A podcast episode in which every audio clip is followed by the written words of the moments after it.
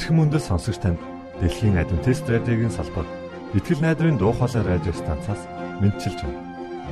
Сонсогч танд хүргэх маань нэвтрүүлэг өдөр бүр Улаанбаатарын цагаар 19 цаг 30 минутаас 20 цагийн хооронд 17730 кГц зөвлөлтөөр 16 метрийн долгионоор цацагдж байна.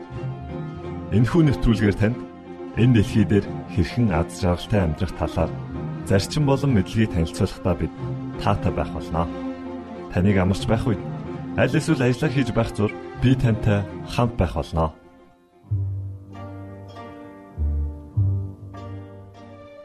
Энэ өдөр бол Бурхны бидэнд бэлэг болгон өгсөн амралтын өдрөлөө. Иймээс би танд пастор Нэмсрэнгийн номлосон сургаал номлыг хүргэх гэж байна. Та үүнээс өөрт хэрэгцээтэй амьдралын чухал зарчмуудыг олно гэдэгт би итгэлтэй байна.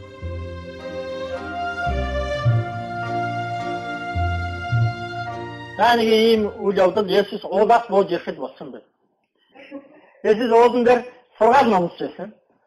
Тэгээд э, тэндээс тараа явсан. За тэгтээ бас үе олон хүмүүс, асар олон хүмүүс Есүсийг дагсан хэвээрээ үлдсэн. Тэгээд тэр олон хүмүүс бүжигнэлдээд Есүсийг дагаад зарим нь сонирхоод явж итэл нэгэн хүн Есүс рүү хүрээд ирсэн. Тэр хүн хурж ирээд тэгээ өмнө нь сүгцээ гэж байна. За тэр хүн ямар хүн байсан бэ гэхээр уйман өвчтэй хүн гэж байна. За энэ уйман өвчин гэдэг нь юу юм бэ? Яадаг гайхад вэ? Уйман өвчний тухай ийм мэдээлэл байна. Одоо сонсъё. Дорн дахин дэлгэрсэн бүх өвчний дотроос хамгийн аюултай нь уйман өвчин байлаа. Эмчлэгдэшгүй. Халдвартай бөгөөд аюул дуршигын дагууртай уршигын дагууртай энэ өвчнөөс хамгийн зоригтой хүмүүс ч айдаг байгаа.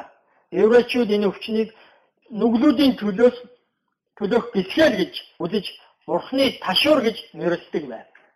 Бүх эд эсийг гэмтээдэг, эмчлэгдэггүй. Үхлийн аюултай энэ өвчнийг нүглийн шин чимээ үздэг байв.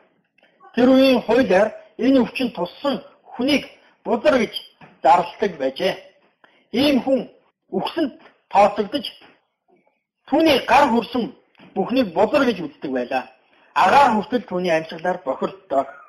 Энэ өвчний ялгүй сэжигтэй хүний хувь заяаг нь шийдэж өгөхөөр тахилчид үздэг байваа. Нэгэн туйман өвчтэй гэж зарлагдсан хүн гэрээхнээсээ тусгаарлагдаж Израилийн нийгмээс хөөгддөг ажээ. Ийм хүн гагцуу өөртөөгөө адил уйман өвчтэй хүмүүстэйгээ харьцнаа. Хуулийн шаардлага нэг хатуу. Захирагч ихэл дээдэсч энэ хууль нэгэн адил үйлчлэнэ. Захирагч хүн энэ өвчнөр өвчлөвөл захирагч ширээгээ орхиж нийгмээс тусгаарлагдах ёстой байв. Найд нөхөд төрөл төрөстөөс хол байгаа хүн ийм өвчлөвөл энэ өвчний хараалыг өөрөө л үүрнэ. Ийм хүн өө гашууга зарлаж хувцаа уурч хүмүүсийг өөрөөсөө холдоорой гэж дохио тэмдэг өгч ойролж хаширч явах ёстой. Ийм өвчтнийг бузар бузар хэмээн ойртуу олныг айлгаж жигшил зүүцлийг төрүүлнэ. За энэ өвчин гэж ийм өвчин байна. Таны уншсан зүйлээс одоо чихэнд хамгийн хайртай туснууд нь ямар ямар тодорхойлтол байна. Бузар, өөр.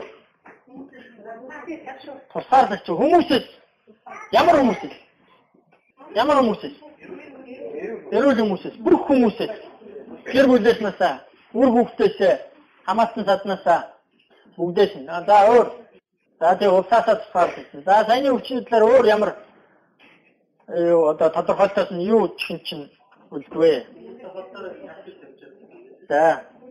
За тий хаа яваа газар өөрийгөө бузар бузар гэж орхио явж байгаа хэрэгтэй. Тэр нь хүмүүст одоо юу гэдэг бүгд заа. За за. Өөр. За тэгээд тэр хүн бол уйман өвчтэй хүнээс өөр хүнтэй харилцаж уулзна гэдэг бол ярилцсан гэдэг бол байхгүй. Эмчилдэггүй учраас тусаардаг ба. Эмчилдэггүй учраас бүгдээс хол байдаг. Энэ өвчин туссан бол ямар их ям хин байсан нь хамаагүй. Бүгд л тусаарлагдах хэрэгтэй. Ийм хэдэн зүйлс байсан. Тэгэхээр ийм хүн, ийм уйман өвчтэй хүн Есүс дээр ирсэн ба. Энэ саяны одоо бид нэр ийм ойлголтыг авчлаа. Энэ хүн Есүс дээр ирлээ гэдэг бол энэ нэг хоёрхан үг бол тийм Есүс дээр ирлээ. Тэгээ энэ гурван үг бол энэ хүний ямар их зориг, ямар зүрх, шийдвэр, бэрхшээл туулж ирснийг нь анзаарахад тусалж. Хүн болгоо энэ хүнийг хараад шууд ойрлсон. Ерөөсөө ямар ч юу лээ хөөхөдөө гэж бодох юм юу ч байхгүйгээр шууд ойрлсон. Юу ч ойрлох вэ? Удар удар гэж шууд ойрлоод зай гэж хүн. Хэрвээ явахгүй бүгд чулуудаа чулуугаар шиж. Тэр энэ хүн Есүс дээр ирээд гэдэг бол зүгээр нэг гурван үйлбэр бидний нүд ингээд гүгээд өнгөрч байгаа бол энэ хүний хувьд бол асар их зориг байхгүй. Асар их бэрхшээл. Энэ өвчнийг тусахлаар хамгийн хэцүү зүйл юу вэ гэхээр хүн, босод хүн. Тэр хүн рүү ойртож болохгүй. Тэр босод хүн өөрхөн хүсэж байгаа хүн хоёрын хооронд маш том хан усгаж тавьж байгаа. Тийм ээ. Тусгаарлалт бий болж байгаа. Тэгээд энэ хүн яаж тэр ирээд гэдгийг бид нар сайн харлаа. Тэгвэл одоо дараа нь ирчээд яасан бэ гэхээр сүгдсэн баг. Сүгдсэн. Тэгвэл энэ хүн үг хэлээд Естэй уулзлаа, танилцаад хэлхээсээ өмнөх үйлдэл нь юу гэж хэлэгдсэн бэ гэхээр ирээд сөхрлөө гэсэн. Сүгдлөө. Би сайн мэдхгүй байна та бүгд юу гэж бодож байгаа. Би бол энэ хүн ерөөсөө өөрөө уг хүнээс шалтгаалаад Есүс хинбэ гэдгээр шалтгаалаад энэ үйлдэлийг хийсэн байна. Түүнээс биш өвчтөөрөөсөө болоод тэр өвчнөөс болоод үнэхээр хүн болгоны өмнө сүхэрж ундаг болчоод хүн болгоноос гуйдаг гуйдаг болчоод энэ хүний сүхрэн гэдэг айгүй амархан зүйл. Хүн харангуут л сүхрээд унцдаг болчоод сүхэрсэн гэж би бол бодохгүй. Яагаад гэвэл энэ сүгдлөө хэлгийг гэлгээс өмнө юу хийсэн бэ гэхээр уйман өвчтэй хүнийг Есүс дээр ирээд гэж хэлсэн учраас. Миний бодлоор ийм зэрэг гаргасан хүн ийм одоо тэр бүх хүмүүс өөр олон хүмүүс Есүстэй явж ирсэн шүү. Тэр олон хүмүүс өөрийг нь улаан цан чулуудна гэдгийг мэдж байгаа тэрнээ ингээд зориг гаргаад ирсэн хүн. Зүгээр л нэгний өмнө очиод шууд сүгдөөд идэг тийм хүн биш л байж таараа. Тэр энэ хүн бодвол өөрөө хинбэ гэдэг үгнэ. Есүс хинбэ гэдэг үгнэ. Өөрийн зоригтой өөрөө юу хийж байгаагаа мэдж байгаа учраас сүгдсэн. Түүний сүгдэж байгаа нь зүгээр нэг бодоод өгдөг үйлдэл биш. Бүр утга учиртай бүхэл бүтэн шил байсан. Гүйлж байгаа зүйл байсан. Бид нар уншиж байгаа болохоор анзаарах байгаа. Яг гэхдээ үнэхээр өнөөдөр энэ бодит амьдрал дээр бол бид нар яг энэ зүйлийг анзаар. Тийм учраас Матай бас үүнийг анзаарсан. Анзаарсан учраас энэ хоёр үйлдэлийн заавал хэлсэн ба. Тэгээд хэлсэн үг нь ингэж юм шиг. Хэлсэн үг нь юу гэж байгаа вэ? Эзэн минь. Урдаас тэр хүн төлөвлөсөн, зариг гаргасан. Юу хийхээ мэдчихсэн. Түүний хэлэх үг нь хүртэл маш их бодод тунгааж одоо яста нөгөө хэлгээр амьдралын гүн ухаанаас нь гарч ирсэн. За хамгийн үгэнд гарч ирж байгаа үг нь юу гэсэн бэ? Эзэн минь. Эзэн. Эзэн гэдэг үгийг бид нар айгүй их хэрэгэлдэг. Эзэн гэдэг үг Монгол одоо одоо сүүлийн үед эзэн гэдэг үгийг дандаа эзэн гэхлээр хойно Чингис гэдэг үг залгадаг болчиход байна тийм ээ. Тэр нь зөв. Бид нэр энэ эзэн гэдэг үг маш их хэрэгэлдэг. Төрснийг ирчилгэж байхгүй юу? Тэр чинь бас нэг эзэн гэсэн утга шүү дээ. Энэ Монгол улсад та төрсөн энд одоо та бүрэн одоо эрхтэй амьдрах, амьсгалах, идэж юу. Тийм ээ? Бүр тэрийг бүр бусдаар хамгаалуулах эрхтэй эзэн хүн байгаа байхгүй. Энэ амьныхаа эзэн гэж хэлтийж байгаа тийм. Тэгээ энэ эзэн гэдэг үгийг энэ хүн бол зорж ирээд бодож байгаа тунгааж байгаа тийм. Тэгээд эзэн гэдэг зүгээр нь хэлчихээгүй эзэн минь гэсэн. Надад хамаатай та бол надад хамаатай. Би бол таны гэж ирсэн. Тэгээд энэ хүн үнэхээр энэ эзэн гэдэг үгийг зүгээр нь тоогож хэлээгүй. Бусад хүмүүс хэлээд байдаг болохоор хэлээгүй дараачийн үгнээс нь таарч байгаа. Тэр нь үгээр хэрв та хүсвэл гэж. Үнэхээр эзэн юм бол эзний хүсэл миний хүслээс урд байх. Илүү байх тэр хүсэл илүү одоо тэг эрх мэдэлтэй илүү том байх. Тийм учраас тэр хүн хэлсэн тийм. Эзэн минь хэрв та хүсвэл намайг цэвэр болгож магадгүй юм шүү дээ Дээгүү тийм ээ. Цэвэр болох гээд оролдогч юм билүү дээ. Дээгүү. Чадна. Гэт бүр өнгөрсөн цаг дээр тавьлаа. Гэхдээ энэ бол миний хүслээс биш. Харин миний эзний хүслээс хамаатай зүйл ээ. Тэгэд миний эзэн аль хэдийн чадна гэж энэ хүн мэдэж ирсэн. Итгэжсэн ирсэн. Зорчсон ирсэн. Есүс хариу үйлчлэж байгаа. Бид нар сая энэ хүний одоо нөгөө нэг body language те биеийн үйлчлэгийг нь ярьсан бол одоо бүгдээ Есүсийн одоо үйлчлэгийг нь анзаарай. Есүс гараа сунгана гэж. Бид нар дандаа гараа сунгадаг. Гараа сунгахад сувдаг учир байгаа гэсэн Есүс энэ удаагийн гараа сонголтод бүр онцгой зүйл байсан. Тэр зүгээр гараа сунгаад өгсоогүй. Түүнд хүрсэн. Ямар хүн түрээд байгаа вэ? Оймон өчтөө. Амьсгалах агаар нь хүртэл агаарыг бохирдуулдаа гэж хэлж байгаа. Жигшиж байгаа хүнд гараа сунгаад Есүс тогсоог. Хүрсэн гэж. Бид нэр юу хэлдэг шүү дээ. Цаанаас нэг дотно гэх. Ажил цаанаас нэг нэг зөвүүн хөндөй. Хэлж байгаа үгэн дээр цаанаас нэг цаас чинь юм байдаг байхгүй юу? Тэ? Тэрийг бид нэр юугаар мэдрээд байдаг вэ гэхээр энэ биеийнх нь хэлээр хэлээд байгаа байхгүй юу? Биеийнх нь хэлээр. Тэгвэл Есүс энэ хүн очихдоо Есүс энэ цаанаас нэг миний эзэндээ гэсэн шиг батсан.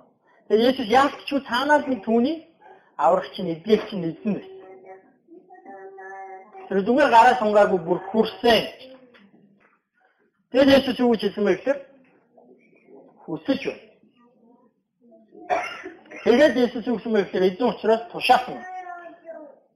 Цэвэрш. Тэр үрдүн тэр даруйда гарсан байна. Энэ түүхэн дээр болсон байна. Үрдүн. Тэгээд эзэн хүний нэг хэцүү зүйл нь ингээд дуусах байхгүй. Дараа нь зөндөө олон үг хэлдэг. Дараа чи хэлсэн үг нь Есүс юу гэж хэлсэн бэ гэхээр хиндэж хэлж болохгүй. Хиндэж хэлж болохгүй. Явж өөрийгөө тахилч үзүүлээд тэдэнд гэрчлэхийн тулд гэж. Тийм үгнүүд байна. Бага. Тийм ээ. Өөр олон хүн Есүсийг дагж байсан. Тэдгээр хүмүүс Есүс хэлсэн үгийг хийсэн үйлсийг Есүс хинбэ гэдгийг нь сонссон, мэдэрсэн, таньсан тиймээс дагаж явсан. Тэр дундаас нэгэн хүн харин түүнийг нь бүр дотносож хүлээж авсан. Тэгээд тэр хүний Есүстэй харилцаа харилцааг хараад ахлаар тэр харилцаа бүр илэрхийлж чадаад хариуд нь Есүс гэсэн тэр хүнтэй бүр харилцааг бүр илэрхийлээд. Тэгээд би нэг түүхийг уншиж байхдаа энэ хэдэн үйл өнгөд яалтчгүй миний ингээд дотор орж ирээд би бичиж тэмдэглэж авсан байхгүй. Нэгдүгээрх нь илэрхийлэх. Үгүй болохгүй. Үгээр үгээр илэрхийлж болохгүй наа гэж бид нэр хэлдэг шүү дээ. Тийм ээ? Тийм учраас бид нар урлаг дуртай. Тийм учраас бид нар дуун дуртай, зурган дуртай, шүлэг яруу найраг дуртай. Яагаад гэвэл юм илэрхийлнэ гэдэг чинь үнэндээ айгүй хэцүү байхгүй. Өөрөө яг тэр бүрэн гүйц утгаар нь илэрхийлнэ. Энэ хүн бол чадсан шиг байна хэлэх гэж байна. Тийм. Хэлэх гэж байна. Хэлнэ гэдэг бас нэг том үйлдэл шүү. Зарим хүн байнга юм ярьдаг хэрнээ юу ч хэлдэггүй.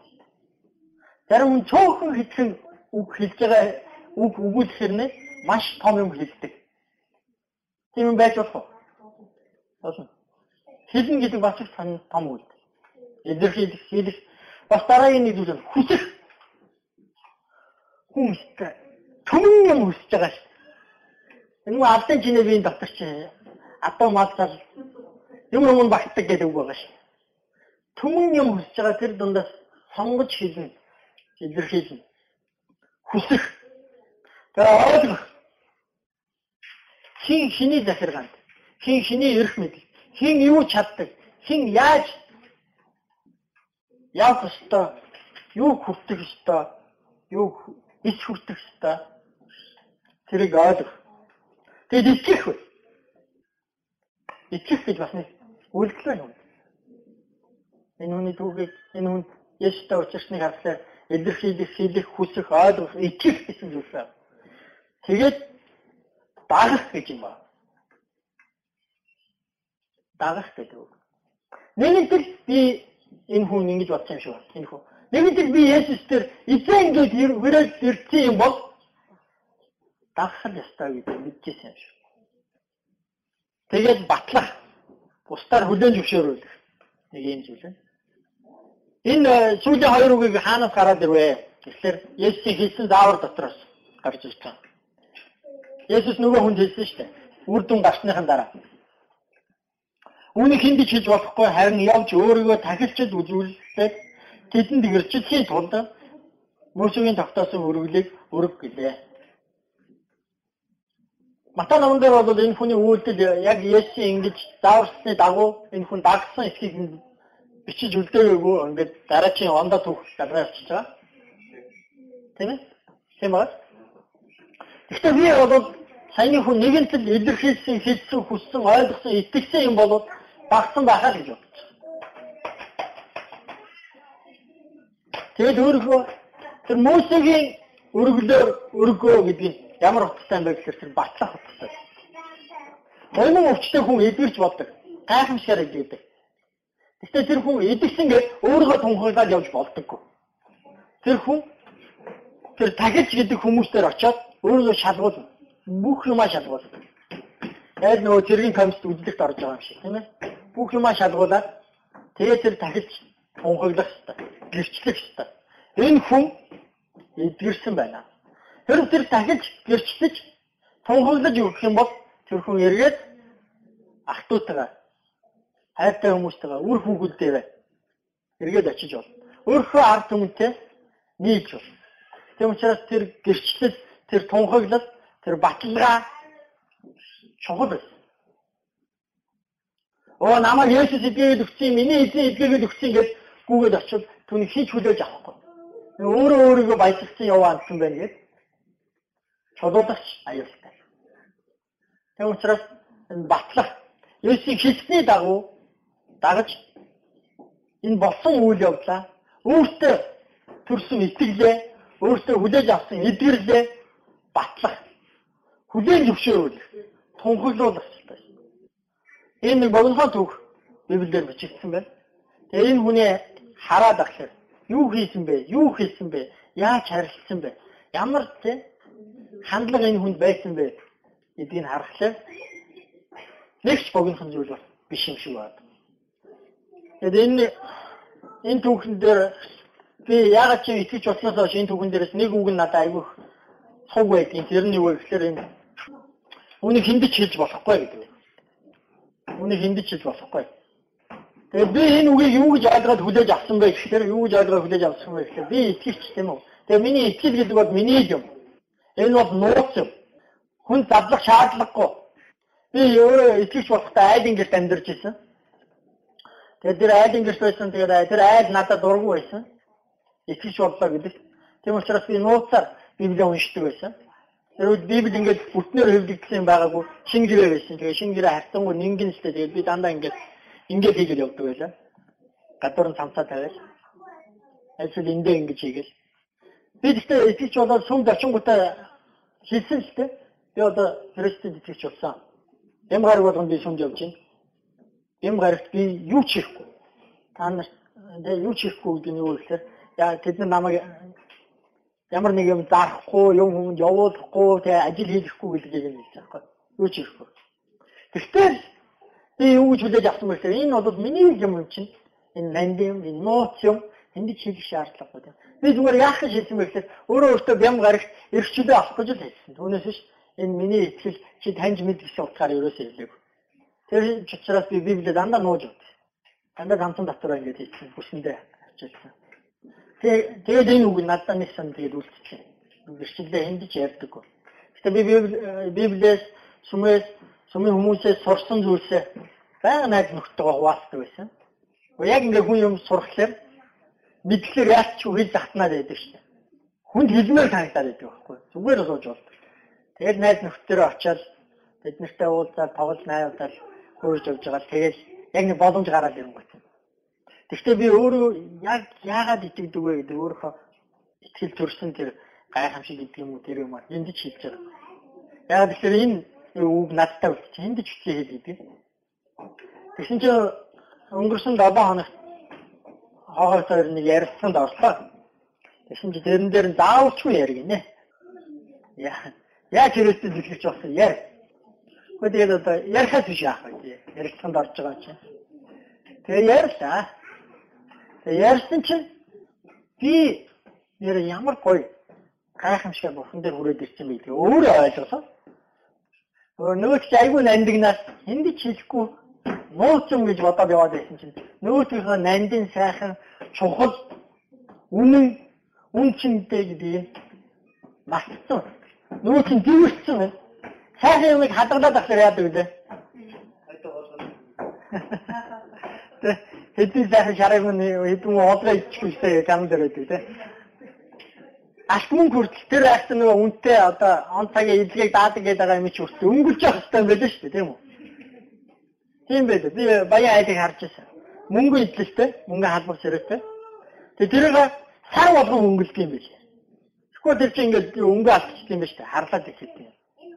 Тэгээ би өөрөө гэрчлэлийг өөрийгөө бурханд яагаад итгэсэн бэ гэдэг айгүй нанди юм үнтэй юм бэ? Давт хийгээд байсан. Нөгөө чинь нэгсэн чи тоос шорондоо дарагдаад ингээд үн чингүү болчихсон. Миний хувьд. Тэгэд нэг ярьсан чи яаж ч хүн ингээ ярь гэсэн учраас ярихад өөр аргагүй болоод ярьсан чинь нэрээ ямар нанд юм бэ? Ямар чухал юм бэ? Оо богино хүн байх хамаагүй. Ганцхан миний түүх байх хамаагүй. Тэгэл маш үнцэнтэй юм байна гэдэг. Энэ хүний түүх чинь богино хүн байх хамаагүй дөрөвхөө шүү тийм ээ. Гэтэл энэ үнцэнтэй. Бүр мөнхийн үнцэнтэй учраас Библиэлд энэ хүн юу хийсэн? Биеийн үйлдэл юу байсан? Сэтгэл нь юу байсан? Хэл нь юу хийсэн? Бүгдээрээ бичсэн. Би та бүгдийн гэрчлэлж гисэн, та бүгдийн үнэхээр итгэл төрсэн зүйл гисэн. Миний шиг бити зэвэрчээсэ. Үн чинээ бити алдчихасаа гэж хэлж байна. Та үжсэн дээрээ нэг уудлаад үз. Өнгөлөөд үз. Өнгөтэй зүйл юм байлээ. Үнтэй зүйл юм байлээ. Тэгээд тэр дунд басан олон мэдрэмжүүдийг би одоо хуваалцаж чадахгүй, баярлаж чадахгүй, уйлж чадахгүй, ганцаардаж чадахгүй. Тийм ээ? Тийм ч гэсэн. Тэгээд энэ дунд миний одоо сэтгэлээс гардгүй зөндөө олон зүйлс. Миний хүүхэд өвдсөн, миний дүү өвдсөн, одоо сэтгэлээр соригдчихсэн тэр бүх зүйлс тийм үү? Энэ бүгдээ би өнгөлж байхгүй бол, ингээд дурсаж байхгүй бол хэдий сайхан зүйлс байсан. Хэрэнд, дэвэнд юм дарагддаг. Тэр учраас энэ богиносон ч гэсэн энэ түүх бас энэ уйман өвчтэй хүний түүх Матай номон дээр бичсэн. Энэ хүний түүхийг үйлдэлтэй, үгтэй, үр дүнтэй, дуулууртай байдалтай цогтно үлдээсэн. Итгэж хүн болгоноос ч гэсэн юм байна. Танаас ч гэсэн юм байна. Тийм учраас тэрийг гаргаж өнгөлж байгаарай. За тэгээд энэ зүйлийн төлөө бүгд хамтдаа залбирцгаая. Ихэд Есүс нь одоо хүмүүс таныг үнэхээр үнэн сургаалыг хэлдэг. Олон хүмүүс таныг үнэхээр зөв юм ярьдаг. Олон хүмүүс таныг бас ач тустай, ашигтай, гэдэг юм мэддэг. Тэгээ чөөхөн хүн үнэхээр таныг эзэн минь гэж дуудаж, чөөхөн хүн үнэхээр танд итгэж дагаж эдгэрлийг, авралыг олдог. Өнөөдөр бид нэр тийм түүхийг матагаас уншлаа. Тэгээд энэ түүх бол чухал түүх байсан. Энэ түүх бол үн цэнтэй зүйл байсан гэдгийг та бидэнд сануулж энд үлдээсэнд баярлалаа. Бидэнд өнөөдөр энэ түгээр дамжуулан та өөрийгөө гэрчилж өгсөнд баярлалаа. Илчилж өгсөнд баярлалаа. Энэ түгээр дамжуул та бидний итгэл бусдад бас батлагдах ёстой. Бусдын өмнө хүлээн зөвшөөрөгдөх ёстой гэдгийг сануулж өгсөнд баярлалаа. Би өөрөөхөө л танд талархаж байна. Танд итгэх боломжийг миний амьдралд бий болгож өгсөн. Танд итгэх